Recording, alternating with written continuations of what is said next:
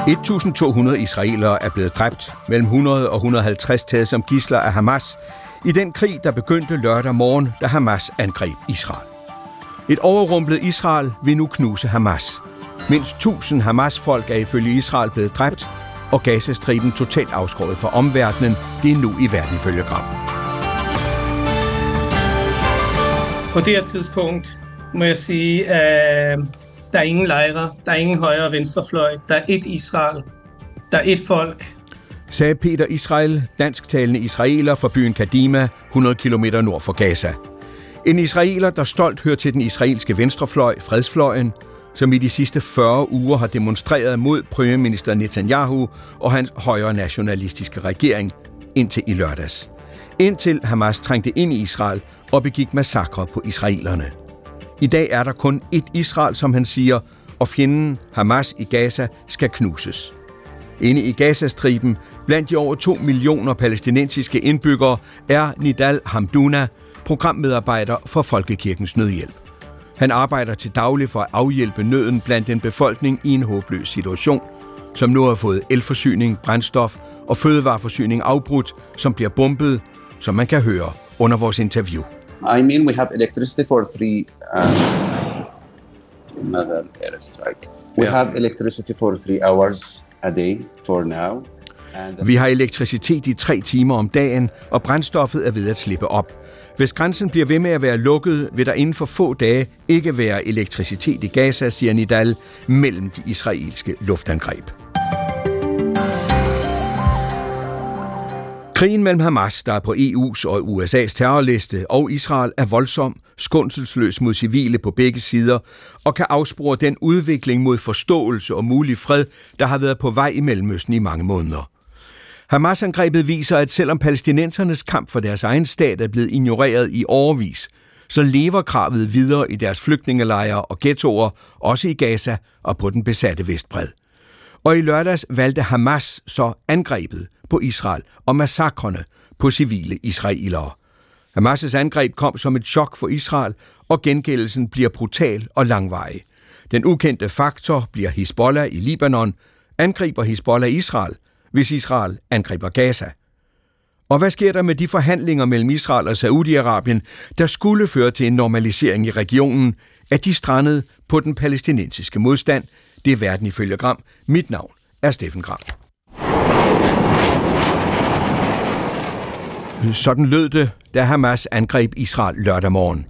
Flere tusind missiler føg over morgenhimlen fra Gaza mod mål i Israel. Hamas-militser brød gennem israelske hegn og mure, løb israelske forsvarslinjer over ende, angreb israelske byer kilometer inde i Israel, dræbte hundreder soldater som civile og tog gisler med tilbage til Gaza. Israel var så uforberedt, som det var den 6. oktober 1973, for 50 år siden, da Ægypten og Syrien angreb Israel under helligdagen Yom Kippur. Den lørdag morgen var Israel i chok over angrebets brutalitet, over Netanyahu-regeringens, militærets og efterretningstjenesternes svigt. Først op ad formiddagen meddelte Netanyahu. Fjenden vil komme til at betale en hidtil uset pris. Vi er i krig, og vi kommer til at vinde den krig.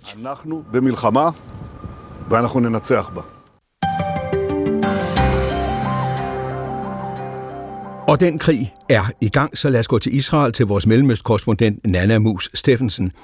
Nana, vi hører, at missilangrebene fortsætter. Har det samme omfang, som det havde i weekenden, eller er antallet af missiler færre? Det var jo et helt massivt antal øh, missiler, som kom ind over der lørdag morgen. Vi snakker om mere end 2.000. Øh, det fortsætter stadigvæk, men ikke i samme antal. Altså i går her i Tel Aviv, der gik luftalarmerne også flere gange. Vi var op og ned af beskyttelsesrum. Øh, og det fortsætter også tæt på, øh, på grænsehegnet til Gaza med, at der kommer øh, raketter ind over fra øh, Gazastriben. Jeg vil sige, det vi har kunnet allermest høre her i de seneste dage, både i Tel Aviv og også tættere nede på Gaza, det er de massive luftbombardementer, som Israel laver inde i Gazastriben nu. Alene, alene i nat øh, siger Israel, at de har ramt 200 mål øh, med luftbombardementer inde i Gaza. Og på den baggrund, som vi lige har vendt, hvor langt er israelerne nået i deres forberedelser på at angribe Gazastriben? Ja, i så høj grad som det her kom som en overraskelse, at man var uforberedt. Lige så høj grad er man jo gået hurtigt til værks med at mobilisere. Man har indkaldt omkring 300.000 øh, soldater fra reserven. Øh, jeg var selv i Sterot i mandags, hvor vi kunne se, altså tæt ned på grænsehegnet øh, til Gazastriben, hvor vi kunne se, hvordan der ankom øh, masser af soldater i busser ned til, til området øh, der. Og så modtager Israel altså øh, sent i går aftes øh, det første af det, man kalder avanceret decideret ammunitionssendelser fra USA. Og de israeler, som du så taler med, hvad mener de, der kommer til at ske nu? Altså generelt øh, er det min opfattelse, opfattelse, at folk forventer, at det her vil komme til at tage rigtig lang tid, og at Israels svar efter Hamas' angreb øh, først lige er begyndt. Øh, det kom jo som et chok for mange er det min oplevelse, at militæret ikke var øh, bedre forberedt, var jeg ved at sige, eller forberedt overhovedet på det her, og var så lang tid om at respondere massivt på det. Øh, jeg, jeg mødte en mand nede i Sterot, nede ved, tæt på grænsen til Gazastriben, en, by, en af de her byer, hvor Hamas mm. jo rullede ind og, og skød og massakrerede folk, og han stoppede sin bil ude foran nogle israelske soldater, og for hen til dem og slog ud med armene, og var totalt vred på dem, og råbte af dem, hvor var I henne, da vores, øh, da vores naboer øh, blev slået ihjel.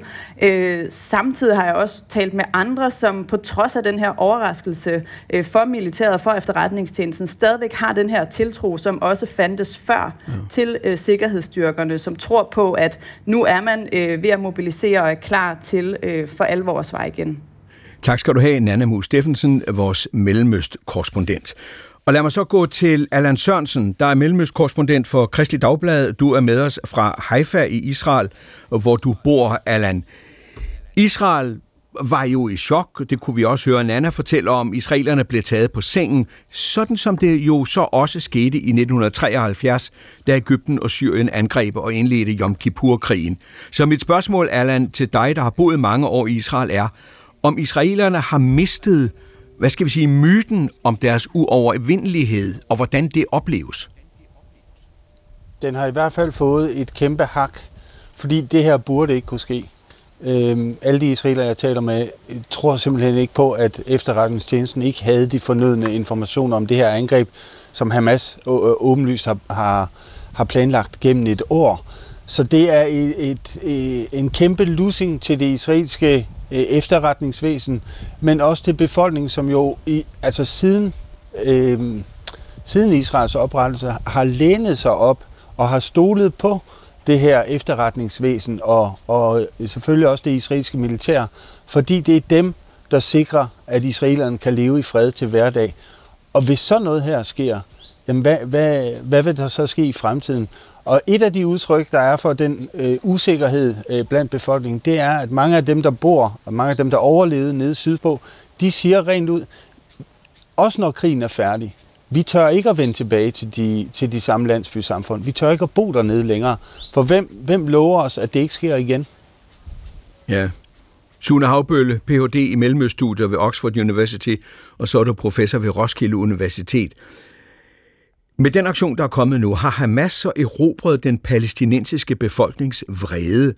Øh, har Hamas gjort sig til den palæstinensiske stemme, der vil bekæmpe et hvert forsøg på at skabe en form for fred i Mellemøsten, hvis ikke palæstinenserne kommer med til forhandlingsbordet?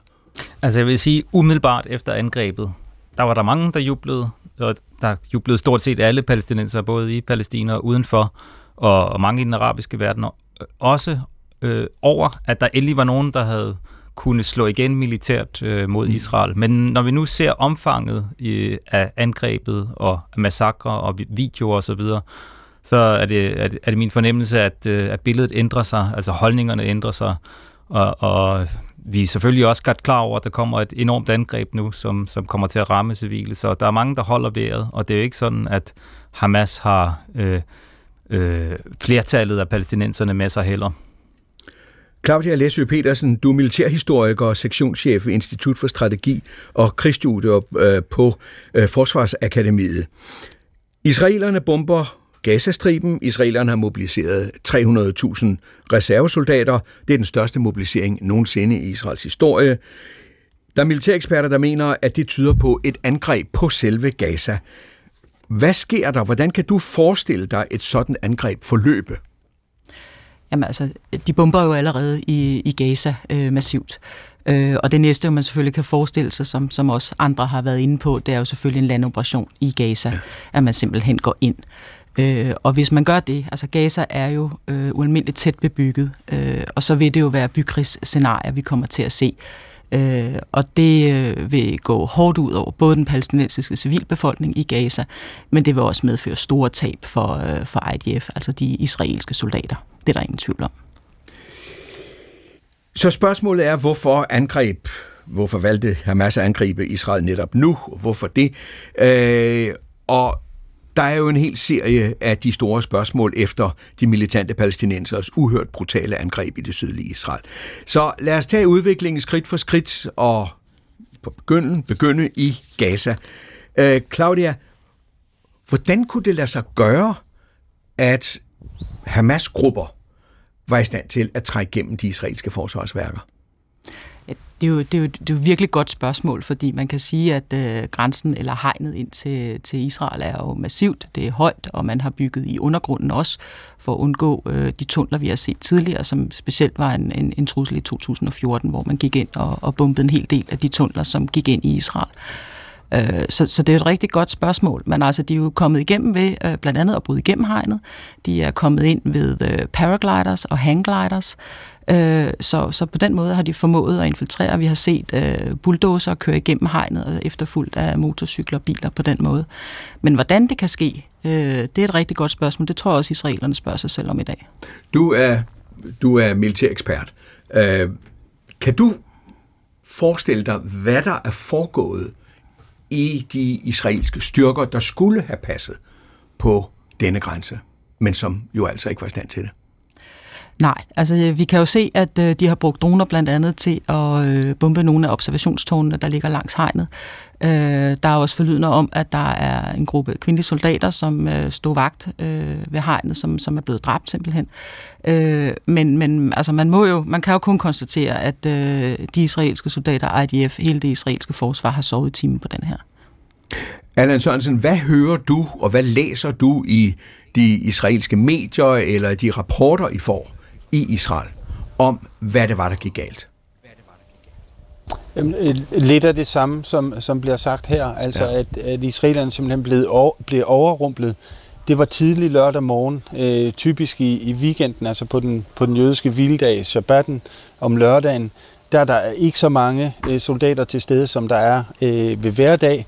Og det, der også skete forud for den her øh, Hamas-operation, det var, at at Israel på grund af spændinger på, på Vestbreden, så rykkede de øh, øh, nogle tusind soldater fra grænseområdet i Gaza til øh, øh, udstationering på Vestbreden.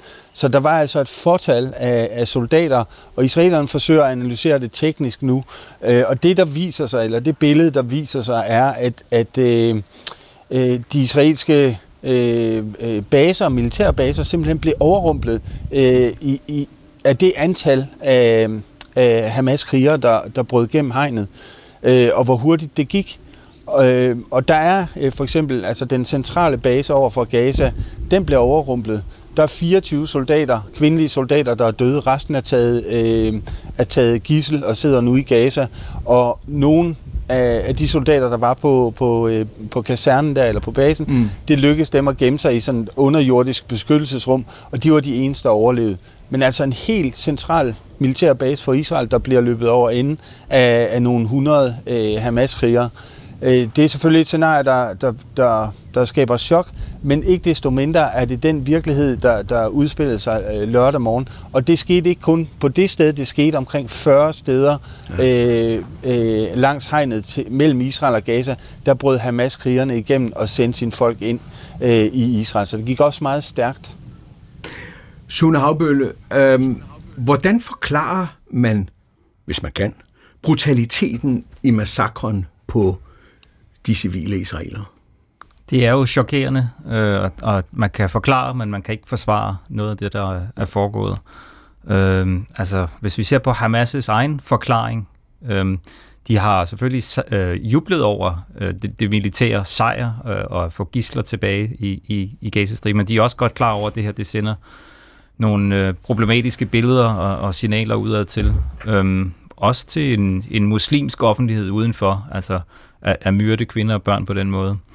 Øh, der er en talsmand øh, for Hamas i Libanon, der hedder Ali Barakat, og han har givet interviews til, til ja. den libanesiske presse, hvor han siger, at Hamas selv havde slet, slet ikke kalkuleret med, de havde slet ikke regnet med, at de ville trænge så dybt ind, ja. at der ville kunne komme så mange ind, inden at israelerne reagerede på det. Det vil sige, de her øh, militssoldater, hvis man skal tro på, hvad, hvad han siger i hvert fald, de øh, havde ikke en plan for, øh, hvad der skulle ske. Det vil sige, de, de befandt sig pludselig med adgang til en kibbutz eller til en, en musikfestival, øh, hvor de agerede øh, spontant og, og ikke nødvendigvis efter lederskabets direktiver. Og spontaniteten førte så til massakrene. Og der må vi bare sige, at det har været unge mænd i, i en kampsituation, fuld af vrede og had. Øh, altså unge mænd, der er vokset op på Gazastriben øh, i, i en brutal situation selvfølgelig, men også med en masse propaganda i hovedet fra Hamas om Israel og israelere, som, som har øh, medvirket til, at de agerede, som de gjorde. Men, men det er altså ikke sikkert, at det ligesom var en plan at gå efter civile på den måde. Nej. Øhm, det, det, det er ikke sikkert, men det kan også godt være, det er. Det ved vi ikke. På den anden side, det splittede palæstinensiske samfund på den besatte Vestbred, der fik jeg fat i en ung kvinde, der Huda. Hun er ung Ægypter, hun er gift med en palæstinenser og bor i Ramallah, som bliver styret af det palæstinensiske selvstyre, der jo ligger i en konflikt med Hamas. Jeg spurgte hende, hvad Hamas' angreb, og jeg talte med hende i går, spurgte hende, hvad Hamas' angreb satte i gang hos hende, da hun hørte om det. Actually, we feel like we feel sad and also we feel uh, happy a little bit of Faktisk så er vi både kede af det, men vi føler også en smule glæde, fordi vi har et ønske om, at det her kan skabe os en lille smule frihed, måske. Men vi føler også frygt. Vi er bange for selve krigen, vi er bange for, at der vil ske flere drab, at vores børn ikke vil have noget hjem og ingen forældre, så det risikerer at blive meget trist, hvis situationen bliver sådan. Allan Sørensen, palæstinenserne Øh, reaktionen, vi hørte Sune tale om det. Hvordan oplever du i Israel palæstinenserne tale om det, der er sket? Jeg oplever, at der ikke er rigt, der er ikke rigtig nogen, der tør at, at fordømme Hamas' angreb, også selvom de måske føler, at det her det er langt over stregen. Og det viser noget om, hvor, hvor stærk Hamas er blevet, ikke kun i Gaza, men også på Vestbreden. Øh, og jeg tror, et af, et af de oversete punkter, man kan tale om, om Hamas måske udførte det her angreb på grund af øh, mærkedagen for Yom Kippur-krigen for 50 år siden osv., mm. det kan sagtens ske, men jeg tror også, at Hamas gjorde det øh, langt hen ad vejen, for at kunne udføre et, et angreb, der, der bringer Hamas endegyldigt i, i føretrøjen øh, på den palæstinensiske scene. Altså, vi taler om, at øh, Mahmoud Abbas, den, den øh, palæstinensiske præsident, han måske snart går bort, og der er allerede en magtkamp i gang. Og det angreb, Hamas udførte her i, i lørdags, er en del af den magtkamp. Ja. Hamas ønsker at signalere til resten af den palæstinensiske befolkning, at vi kommer også, og vi tager også Vestbreden, når det er færdigt med det palæstinensiske selvstyre.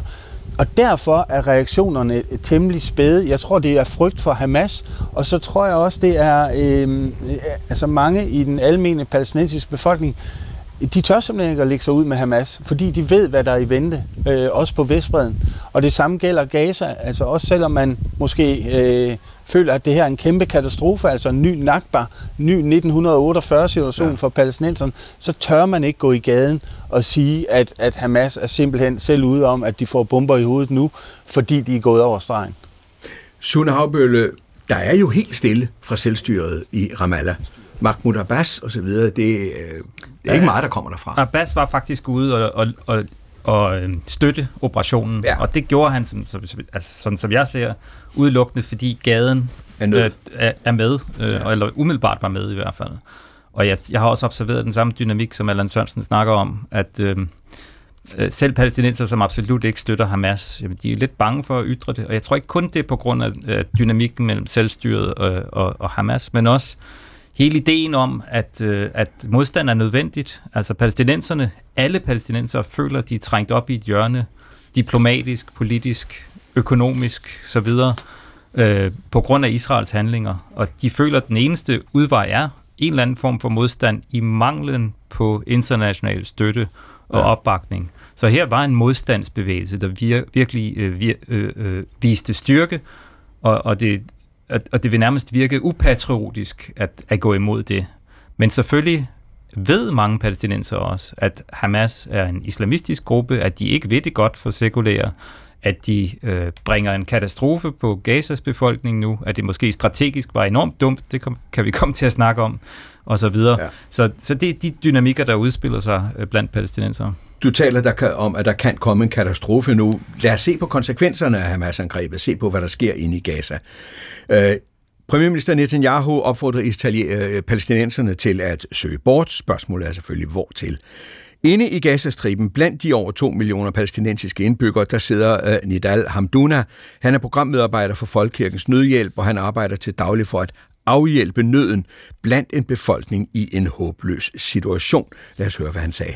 What is happening is, I mean, we are facing a very tough situation now. Det, der sker, er, at vi står i en meget svær situation nu.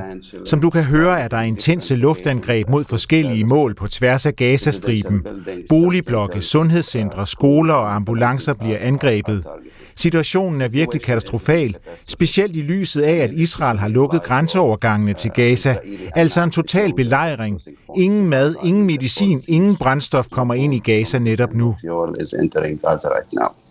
How are you affected by the situation that you get no electricity, that you get no fuel?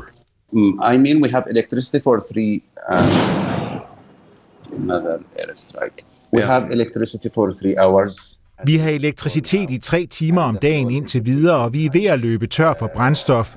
Så i de kommende dage, hvis grænseovergangene stadig er lukket, og der ikke kommer brændstof, så vil der ikke være nogen elektricitet i Gaza.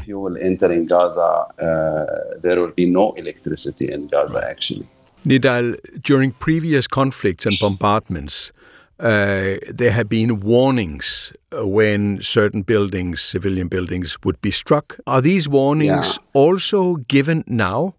Sometimes they are given. Nogle gange kommer der advarsler. Folk får maksimalt 10-15 minutter til at forlade deres hjem eller et helt område. I går blev flere familier dræbt, da et stort marked mod nord blev angrebet. Omkring 50 palæstinenser blev dræbt. Så nogle gange er der advarsler, andre gange ikke. Sometimes there are some warnings, sometimes without. Netanyahu has uh, suggested that uh, the civilian population would would simply leave Where can the population in Gaza actually go? Uh, there is no safer place actually in Gaza, and this is the challenge as well. Der er ingen sikre steder i Gaza. Det er problemet. Det er et lille overbefolket landområde med over 2 millioner indbyggere. Luftangreb rammer hvert eneste nabolag i Gaza, så hvor skal vi gå hen? Der er ingen sikre steder inde i Gaza. There is no safer place inside Gaza to go to. Claudia Læsø, på den baggrund, hvordan, hvad ser du der kommer til at ske nu? Jamen, øh, jeg forventer, ligesom så mange andre, på et eller andet tidspunkt, så iværksætter øh, det israelske forsvar, eller IDF, de ansætter en, en, en landoperation, øh, som vi har set det tidligere, senest i 2014. Øh, og øh, der er ingen tvivl om, at Hamas vil udnytte øh, civilbefolkningen, de vil udnytte civile bygninger, øh, de vil gemme sig derinde, Øh, sidste gang i 2014 øh, talte israelerne om, at øh, Hamas ligefrem havde en, en victim doctrine, en offerdoktrin, hvor man faktisk gemte sig bag civile for netop at mm. tiltrække israelsk ild for at vise omverdenen øh, de israelske ødelæggelser og drab på civile. Og det kan man også diskutere, om, om, om, om, om det er rigtigt eller ej. Men ikke desto mindre, så, øh, så, så gik det hårdt ud over de civile ved, øh, ved, ved landoperationen. Ja. Øh, og man kan sige i den forlængelse, hvis de israelske soldater skal ind i, i tæt bebyggede områder, ja. som de har været før, så går det også hårdt ud over øh, de israelske soldater. Fordi det er en meget svær kampplads. Og der er jo heller ingen tvivl om, hvis vi snakker om, at Hamas har brugt tid på at forberede øh, angrebet ind i Israel, så har de bestemt også brugt tid på at forberede de bebyggede områder ja. til, til kampplads simpelthen. Så de venter på dem. Og til lytterne skal jeg lige sige, det er verden ifølge Gram, I lytter til i dag om krigen i Israel og i Gaza. Mine gæster er Claudia Læsø Petersen, militærhistoriker og chef for sektion for militærhistorie og krigsstudier ved Institut for Strategi og Krigsstudier på Forsvarsakademiet, og du har skrevet Ph.D. om politiske og militære udfordringer i krigsførelse i by, i byer i de øh, Israel-arabiske konflikter fra 82 og frem til 2014. Allan Sørensen, mellemøstkorrespondent for Kristelig Dagblad, forfatter og har boet mange år i Israel. Du har læst mellemøststudier på det hebraiske universitet i Jerusalem, og du bor i Haifa i Israel i dag. Og så Sune Havbølle, Ph.D. i mellemøstlige studier ved Oxford University, mellemøstforsker, professor ved Roskilde Universitet og specialist i de palæstinensiske forhold, og du har udgivet flere bøger om Mellemøsten. Angrebet kom på et tidspunkt, hvor Israel for alvor var sårbart. Det er ikke bare 50 år efter Yom Kippur, hvor det israelske samfund blev taget på sengen. Angrebet kommer på et tidspunkt, hvor det israelske samfund er dybt splittet i den politiske ideologiske kamp mellem liberale og konservative og religiøse kræfter i Israel og hvor premierminister Netanyahu har kastet demokratiet ud i en eksistentiel kamp. Det er vel ikke forkert, Allan Sørensen, vel? Og skitsere situationen sådan. Så hvad, hvad, hvad foregår der i det israelske samfund i dag? Hvad, hvad siger man? Hvad taler man om? Ja, det er en meget øh, interessant udvikling, det der sker, fordi Hamas' angreb på Israel har fået øh, soldater og civilbefolkningen til at stå skulder og skulder. Og det er det, de gør. Øh, civile bringer øh, madpakker, soveposer, det ene og det andet ud til soldaterne, fordi man ved, at man skal snart i krig. Det, der sker rent politisk, det er fuldstændig, øh, altså jeg vil nærmest kalde det absurd. Netanyahu var ude forleden dag. Altså det, jeg sagde før, er, at, at mm. civilbefolkningen og militæret har skubbet de seneste 10 måneder, og hele den splittelse, det har de skubbet til side, fordi det er der ikke tid til nu. Der er en krig på vej. Men det politiske, øh, de, den politiske del af Israel er begyndt nu at skændes, om man skal indgå en, en, øh, en øh, bred samlingsregering hen over midten. Skal man ikke gøre det? Hvem skal sidde i sikkerhedskabinettet? Hvem skal ikke sidde i sikkerhedskabinettet? Og der er alle, alle mulige små politiske skænderier i øjeblikket, der simpelthen får den israelske befolkning til at altså dække øjnene i, i, øh, og, og ørerne nærmest. Øh, af, altså fordi det er en kæmpe pine at se, hvordan ja. øh, det politiske Israel opfører sig øh, på et tidspunkt, hvor Israel står øh, halvvejs med et ben inde i, inde i Gaza. Jeg talte øh, i går med øh, en dansker, dansker, der hedder Peter Israel, øh, venstreorienteret, som han beskrev sig selv, dybt engageret i fredsbevægelsen, har demonstreret mod Netanyahus forsøg på at udvande den israelske højesterets beføjelser og underlægge højesteret Knessets beslutninger. Nu ser hele den kamp ud til at blive sat på pause. Øh, sådan var hans oplæg, og hør, hvad han sagde. På det her tidspunkt må jeg sige, at der er ingen lejre, der er ingen højre og venstrefløj, der er et Israel, der er et folk, og det er faktisk ja, jøder og araber i Israel. Der er selvfølgelig altid dem, der finder sig uden for flokken, men øh, det er jøder og araber sammen. Hamas-raketterne, de skiller ikke mellem religion og tilhørsforhold. Hvordan ser du den krig, der kommer til at udfolde sig fra nu af? Det jeg hører, det er, at vi, øh, vi har taget handskerne af med al den kritik, der har været tidligere fra mange steder omkring i den vestlige verden, om øh, civile ofre på palæstinensisk side. Jeg ønsker ikke, at nogen civile skal blive dræbte. Men de tal, der har været, de ratios, der har været mellem militære og civile dræbte, har vi altid holdt en meget, meget høj standard, som ingen vestlig magt har holdt på noget tidspunkt. Og det er kun fordi, vi har brugt alle mulige metoder på at meddele civile, at de skal fjerne sig og alle de, øh, det, det sker ikke mere. Den måde, jeg ser det på, og den måde, som jeg synes, det skal forstås på, det er, at Gazas befolkning er medaktive i det her. Det kan ikke passe, at det er en bande på nogle 10.000, der kontrollerer den her øh, Gazastribe, og de andre bare er uskyldige. Hvis de vil kæmpe ved Hamas, så har de kun få alt støtte fra Israels side. De har, de har valgt, valgt sig til at støtte terror. De har valgt sig til at støtte den mest bestialske terrororganisation, de, som kun kan sammenlignes med ISIS og Al-Qaida. Du har i mange, mange, mange uger været ude at demonstrere mod Netanyahu-regeringen og dens juridiske øh, reformer i forbindelse med højesteret. Ja. Hvor er den kamp henne nu? Den er totalt stoppet. Alle de organisationer, som har været aktive i den her modstand til, mod regeringen, er alle sammen holdt op totalt med det her, og de er nu kun aktive i at hjælpe befolkningen, soldater, at bringe hvad end soldater har brug for, alle dem, der er forflyttet fra øh, Gaza og Megnen, og øh, det, der i andre steder bliver kaldt interne flygtninge, de bliver støttet med mad og tøj. Folk er flygtet uden, uden noget. Uden noget. Ja, Allan Sørensen, der er mange ting, jeg bider mærke i hos, hos Peter Israel.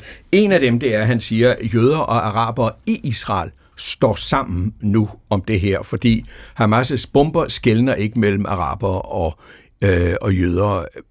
Er det din opfattelse også?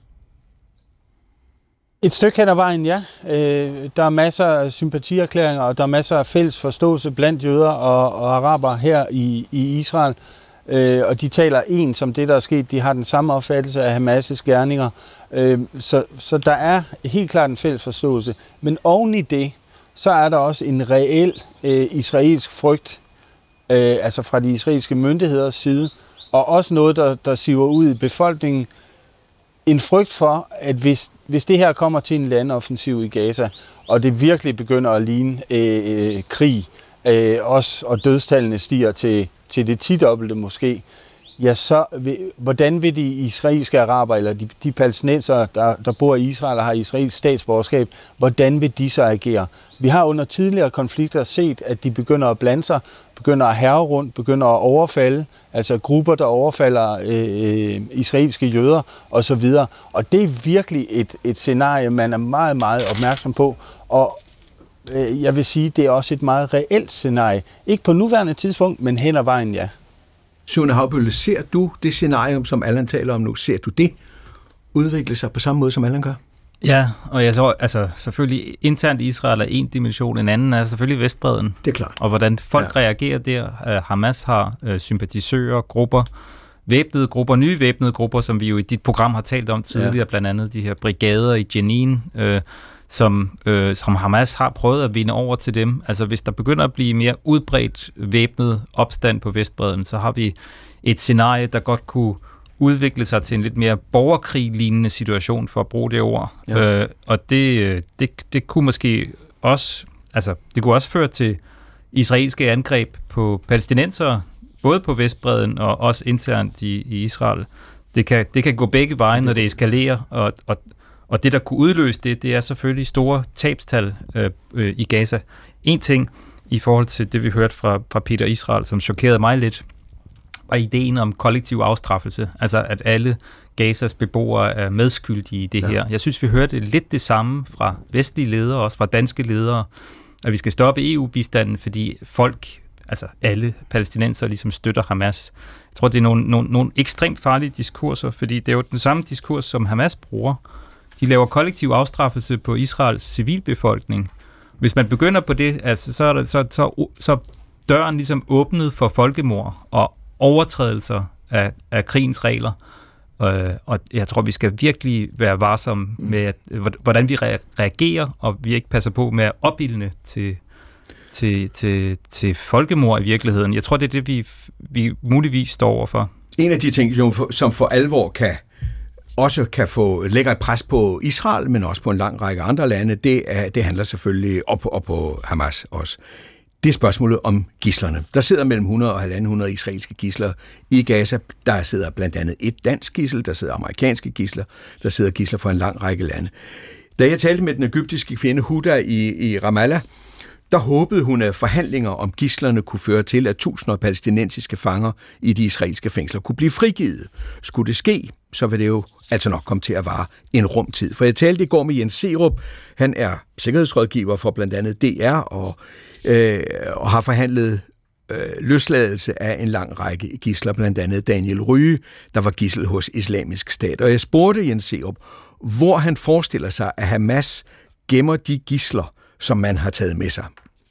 Hamas har jo forberedt det her, og, og, og, og med det antal gisler, de har taget, øh, altså helt op til, hvad det højeste tal, op til 1.500, så har det jo helt tydeligvis været en strategi, som de har indtænkt i hele, hele det her angreb øh, til at starte med. Og, og det vil sige, at de vil givetvis også have forberedt øh, de steder, hvor de her mange gisler skal opbevares. Og der er det jo klart, at der vil gisseltagerne, Hamas øh, må vi antage, er jo helt bevidste om, at øh, israelerne vil, vil bruge rigtig mange ressourcer og kræfter på at finde ud af, hvor de er henne. Så de vil givetvis være spredt, og de vil være spredt mange steder øh, på mange forskellige lokaliteter og lokationer. Jens Erup, øh, Hamas truer med at henrette et gissel for hvert luftangreb, der kommer uden varsel mod civile mål. Hvilke pres lægger det på israelerne? Jamen, det ligger jo et kolossalt pres på dem, og, og, og det har Hamas jo vidst fra starten. Altså, Hamas har jo vidst, at, øh, at det her angreb vil forårsage en massiv gengældelse. Og de satser og håber på, at, øh, at den gengældelse, brøden kan tage sig den ved at have taget så mange gisler. Det er klart, at det sætter jo israelerne i en utrolig øh, vanskelig forhandlingssituation, at, at man har det tidspres øh, over sig. Og det man jo også skal huske, det er, at, at når de har så mange gisler, og så mange forskellige gisler, og, og her i særdeleshed også udenlandske gisler, forstår man, altså så giver det jo øh, Hamas en mulighed for både hvis de vælger det, at slå nogen ihjel for at statuere et eksempel, og stadigvæk have nok til at kunne forhandle sig til andre ting, hvad det så end måtte være, om det er øh, udveksling af fanger eller indrømmelser på anden vis. Kan man tænke tanken, at man fra israelsk side siger, det her det er krig, de offrer blandt andet øh, de potentielle gisler, øh, jamen de er så offer for krigen.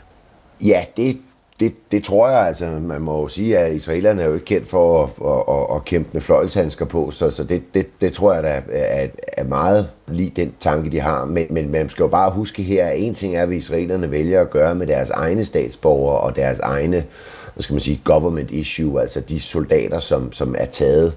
Men det stiller sig jo lidt anderledes med de udenlandske statsborgere, som måtte sidde som gisler, hvor der jo uundværligt vil være nogle, nogle andre lande, som har en interesse i, at det her bliver løst på en måde, hvor de her mennesker ikke bliver collateral damage i, i en krig.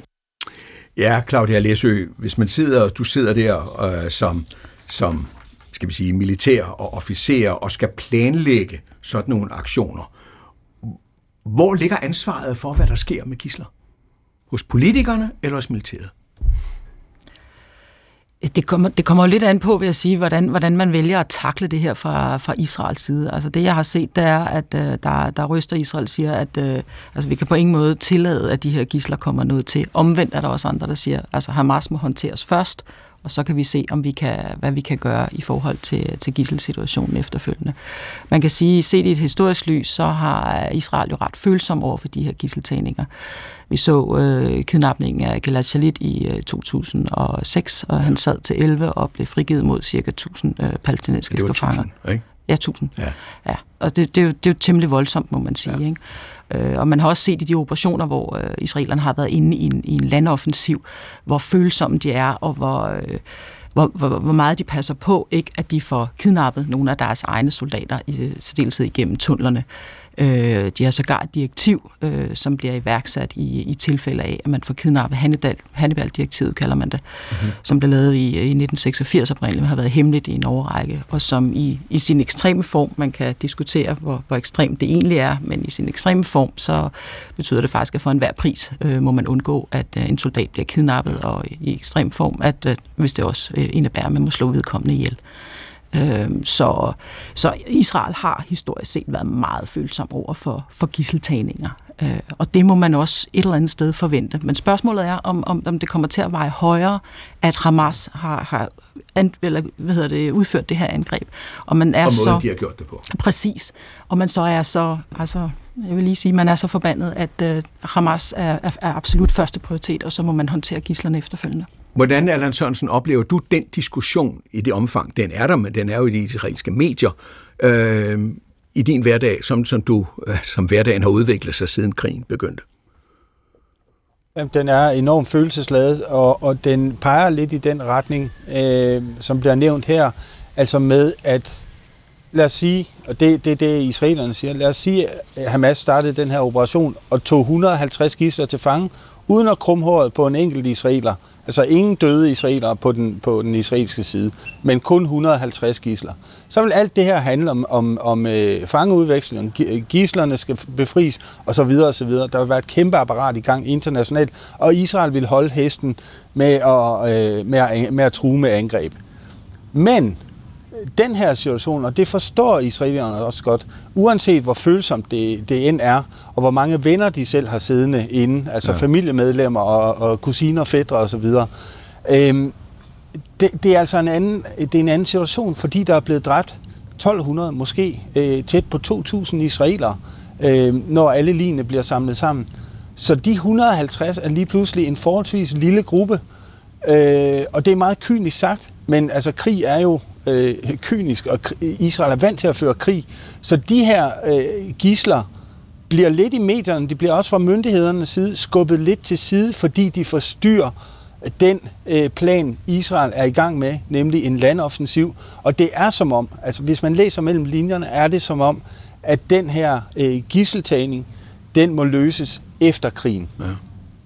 Sune Havbølle, har Hamas i virkeligheden vundet en pyrosejr? Forstået på den måde, at det angreb, som de gennemførte, med konsekvenserne, med massakrene, er så stor en sejr for Hamas, at øh, den bliver simpelthen endeløs dyr for dem. Det er muligt. Vi må se, hvad der sker. Øh, jeg tror faktisk, Hamas er gået ind med, det, med, med åbne øjne i det her. Øh, på en måde er det jo... Men du ham... sagde selv, at deres talmand havde sagt, at de havde simpelthen ikke drømt om, at de ja, kom så langt ikke drømt om, at det kom så langt, men der er ingen tvivl om, at Hamas inviterer Israel ind i en konfrontation. Vi skal huske på, at Hamas ønsker generelt konfrontation med Israel. De lever af at være den gruppe, der kan kæmpe militært øh, Også med, selvom med det går ud over civilbefolkningen i Gaza. Ja, og, der, og på den måde holder de jo gis, gisler. De holder Gazas befolkning som gissel i det her. Øh, og de ønsker også, at israelerne går ind og er brutale. Så har de billeder, de kan vise udad til. Og så ønsker de endeligt, øh, Steffen, de ønsker at eskalere konflikten. De ønsker at invitere andre med ind. De ønsker, at det her bliver så voldsomt, at israelerne har så meget blod i øjnene, at øh, Hezbollah måske går med i konflikten, og Iran måske gør, og andre palæstinenser måske gør. Det er deres mål. Så spørgsmålet er lidt, om Hamas ikke også lokker israelerne ind i en situation her. Allan Sørensen, det er et par uger siden, vi kørte et program, hvor du var med også, øh, og det handlede om hele den plan for en form for udsoning, forsoning, øh, fred på længere sigt i regionen, som tog afsæt blandt andet i udsoningen mellem Saudi-Arabien og Iran, Derefter er amerikanerne støttet vældigt på, at Saudi-Araberne, Emiraterne og Israelerne skulle gennemføre en form for forsoning og fred, øh, og så vil alle blive glade. Til sidst ikke mindst den saudiarabiske kronprins, fordi så kunne han øh, i rimelig ro og orden gennemføre sin 2030-plan for udvikling af Saudi-Arabien. Og vi var faktisk enige om, efter en time, hvor vi sad og diskuterede de ting, at for en gang skyld var der måske en anelse optimisme at spore i det, der sker i Mellemøsten. Jeg er sikker på, at du kan huske det. Øh, hvor ser du den proces gå hen nu? Processen bliver måske sat en lille smule i bero, fordi der er krig og der er kampe.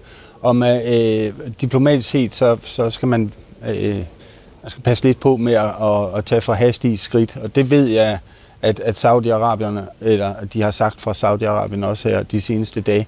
Men, og her synes jeg, at vi skal lytte til Benjamin Netanyahu. Altså jeg, jeg tror, det vil fortsætte efter krigen. Nu ved vi ikke, hvor lang tid det vil være, hvor omfattende det vil være.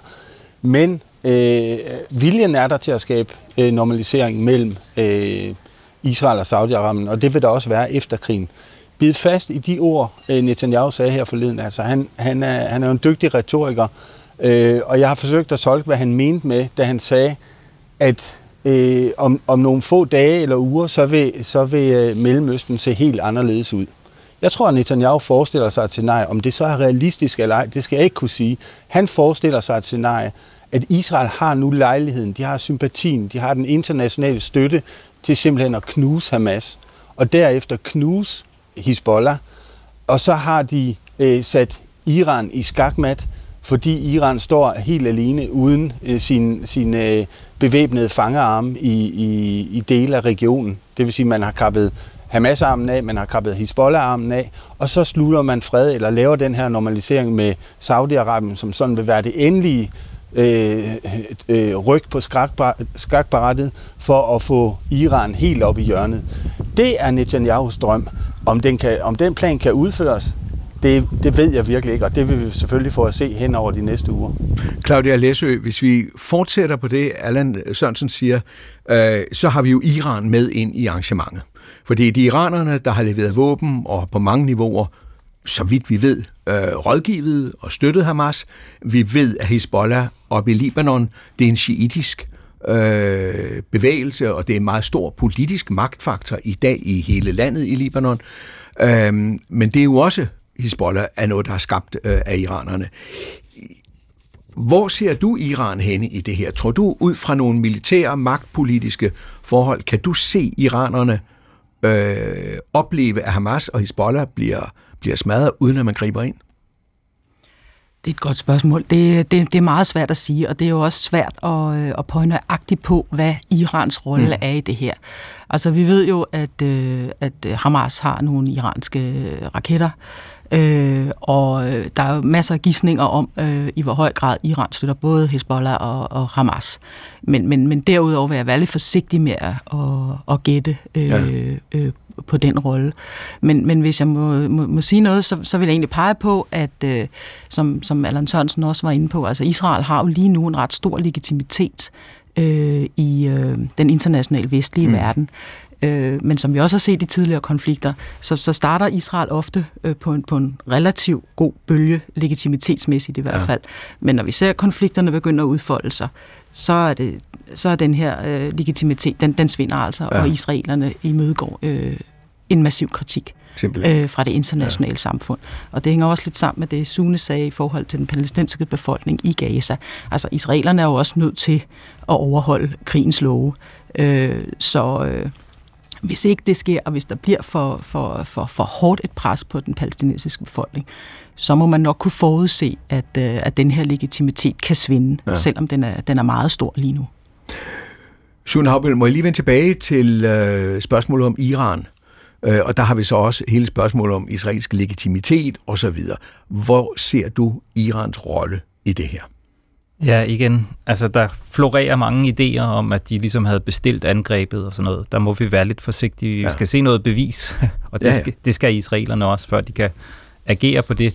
Men det er muligt, at øh, de har kalkuleret storpolitisk og sagt, nu skal vi stoppe den her saudiske normalisering, normalisering som jo ikke indebærer et øh, tilbud til palæstinenserne, som iranerne, eller i øvrigt også palæstinenserne, kan leve med. Øh, og, og, og øh, det er muligt, at de har sagt, så, så eskalerer vi nu, og så ser vi, hvor, hvor det kan gå hen. Øh, de sidder lige nu i Teheran, øh, Khamenei og Nasrallah i Beirut, de sidder lige nu og skal træffe deres livs beslutning, vil jeg sige. Går de med i det her, og synes de, det her det er det historiske øh, øjeblik at tage det, det endelige opgør, så at sige, med Israel, med Israel eller vælger de at sige, jamen vi risikerer at, øh, at få ødelagt vores assets, vores mm. øh, militære øh, muligheder for at agere og for at have den her detente, som man alligevel også har på den, på den nordlige front, altså og, og, og, øh, mod Libanon. Ja. Øh, øh, det, det, er et kæmpe, det er en kæmpe beslutning, og jeg lytter meget til den røg, der kommer ud fra de sydlige forsteder i, i Libanon lige nu. Ja. Man kan læse... Det er der, hvor Hezbollah det er der, hvor øh, Hezbollahs hovedkvarter er, øh, og deres ledere er, og, ja. øh, og de, øh, de sidder, de sidder lidt og, og, og overvejer, hvad de skal gøre lige nu, og har måske fingeren på aftrækkeren. De har jo lavet palæstinensiske grupper angribe fra Sydlibanon de sidste par dage. Der har været nogle små, ja, små, små, udve- små udvekslinger. Det er ligesom første skridt. De kan eskalere det her, men de er ikke gået ind i det endnu. Øh, og hvis de gør det, ja, så har Israel en krig på to fronter, øh, og muligvis også på tre, altså hvis Vestbreden ligesom bliver et, et scenarie også.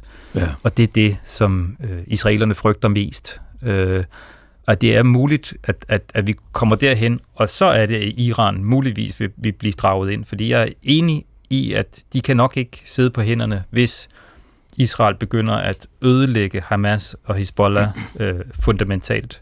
Jeg tror nu ikke, det er muligt at ødelægge de bevægelser gennem militære aktioner. Altså den store parallel historisk, det er jo 1982, hvor ja. Israel gik ind i Libanon for at fjerne PLO.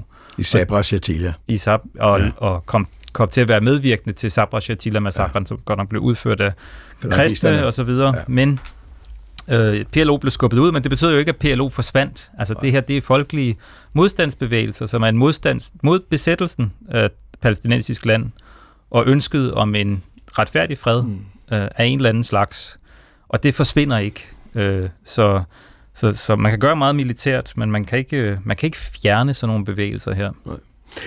Allan Sørensen, så vi sidder mere eller mindre alle sammen og venter på, hvad der kommer til at ske, men risikoen er, at øh, det kommer til at eksplodere i en eller anden, i en eller anden retning.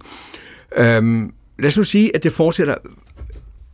Hvis ikke man vender tilbage til status quo, og det kan man ikke, efter de massakre, der er blevet udført på israelerne, øhm, hvad så? Altså Israel har en konklusion her, og en forståelse af det, der er sket, og det er, at Israel kan ikke fortsætte med at eksistere med et naboskab øh, med terrorbevægelser. Hamas og Hezbollah. Det kan ikke fortsætte, fordi man kan ikke leve med kniven på stuben øh, og, og, og se scenarier, som der skete i lørdags, muligvis gentage sig i fremtiden. Der skal en ændring til. Og det Israel forestiller sig, og igen, jeg ved ikke, om det er muligt, og jeg er enig med Suni at det bliver en, en øh, altså det er nærmest en umulig opgave. Øh, men Israel bevæger sig mod en afvæbning af Hamas. Altså Hamas skal have sine skoler, og de kan have det ene og det andet. De kan ikke have et militært øh, netværk i fremtiden. Hvordan det opnås, I don't know. Og det samme gælder Hezbollah. Øh, Øh, og det prøvede de jo i 2006 i krigen mod Hezbollah, og det er gået galt. Hezbollah er 10 gange stærkere, end de var dengang i 2006. Øh, men igen, det er kniven på struben for, for Israel, og de har set, øh, hvad det betyder her i lørdags. Øh, så ikke længere. Den her virkelighed kan ikke eksistere længere. Og det er den øh, tid, vi går ind i nu, hvor vi skal se Israel agere med den her forstå- selvforståelse af, at man kan ikke have det her naboskab længere. Claudia Læsø, kan Hezbollah og Hamas afvæbnes af israelerne? Hmm. Det, det, det, det tror jeg, øh, det bliver vanskeligt. Altså, selvfølgelig vil det kunne lade sig gøre rent militært, men spørgsmålet er, hvad så? Øh, lidt som Sune også er inde på. Hvis man går ind i, i, øh, i Gaza med landoffensiv, forestiller man sig, at, at vi nedkæmper Hamas. Hvad så? Øh, hvad, skal, hvad skal der så ske i Gaza? Fordi nogen skal jo styre det. Skal, Israel, skal israelerne ind igen? Altså, de trak sig ud af Gaza i 2005. Ja. Øh, skal man ind igen? Altså, så får man måske et nyt vestbred på den anden side. Det tænker jeg bestemt heller ikke, man er interesseret i. Øh, og jeg tror ikke, at øh, israelerne er helt øh, færdige med at tænke, hvad, hvad skal der egentlig ske øh, med Gaza, hvis man går så langt, som man, mm. som man nedkæmper øh, Hamas. Og så lad mig til her til sidst give ordet til nogle af dem, vi har interviewet undervejs i dette program, om hvad de ser komme og hvad der kan ske. Lad os øh, høre Peter Israel, den dansktalende virksomhedskonsulent fra byen Kadima, nord for Tel Aviv. Det er ikke det rigtige tidspunkt at begynde at lave interne kritik. Efter det hele er færdigt, kommer der til at blive en øh, investigation på alle niveau, og så kan vi øh, tage den her op igen. Men her lige nu, der er det bare at stå samlet og kæmpe mod en fjende, der har anmeldt krig mod os, og som har begået de mest modbydelige krigsforbrydelser, som ja, jeg kan kun sammenligne det med 9-11. Og det er så om den israelske, øh, hvad skal det opgør, som israelerne selv står over for nu, når det hele er færdigt. Nidal Hamduna fra Folkekirkens Nødhjælp inde i Gaza, han skal ikke blot forsøge at ydmyge humanitær støtte til de nødlidende. Han har sin egen familie at tage sig af. I'm okay so far. Uh, but it's horrible situation, of course, especially for my kids. Uh, jeg er okay indtil videre, men det er selvfølgelig en forfærdelig situation, især for mine børn. Jeg har fire børn. Det er svært for dem i en sådan situation med alt det, de hører. Og det sagde han så til os i går. Og så er der Huda uh, Etahat, den egyptiske kvinde, der er gift med en palæstinenser i Ramallah, på den besatte Vestbred. Hendes håb er, hør her. What I believe that uh, God will going to save us from this in magic way. Det jeg håber og tror på er, at Gud vil komme og redde os fra det her på en magisk måde. Vi er fanget mellem håbet, Guds magi og alle de soldater og våben, som Israel har. Sune Havbølle, hvem er taberne i det her? Det er civilbefolkningen, først og fremmest. Øh, jeg tror også, Hamas bliver tabere. Jeg tror, de kommer til at få et, et, et enormt militært øh, anslag mod dem nu, som kan være svært at, at stille noget op med. Og det bliver de sidste ord i dagens Verden ifølge Gram. Tak til mine gæster, Allan Sørensen fra Haifa, Claudia Læsø Petersen og Sune Havbølle. Og så havde vi vores mellemøstkorrespondent Nana Mus med i begyndelsen af programmet. Jakob Busk Olsen og Josefine Mold Theisen var med i redaktionen af dagens program. Teknikken stod Thorsten Christiansen for. Jeg havde varslet et program om det utrolig vigtige polske valg på søndag. Det må vi vente med, indtil vi har resultatet sent søndag, og så satser vi på at sende det i næste uge. Det var Verden i Følgegram på genhør.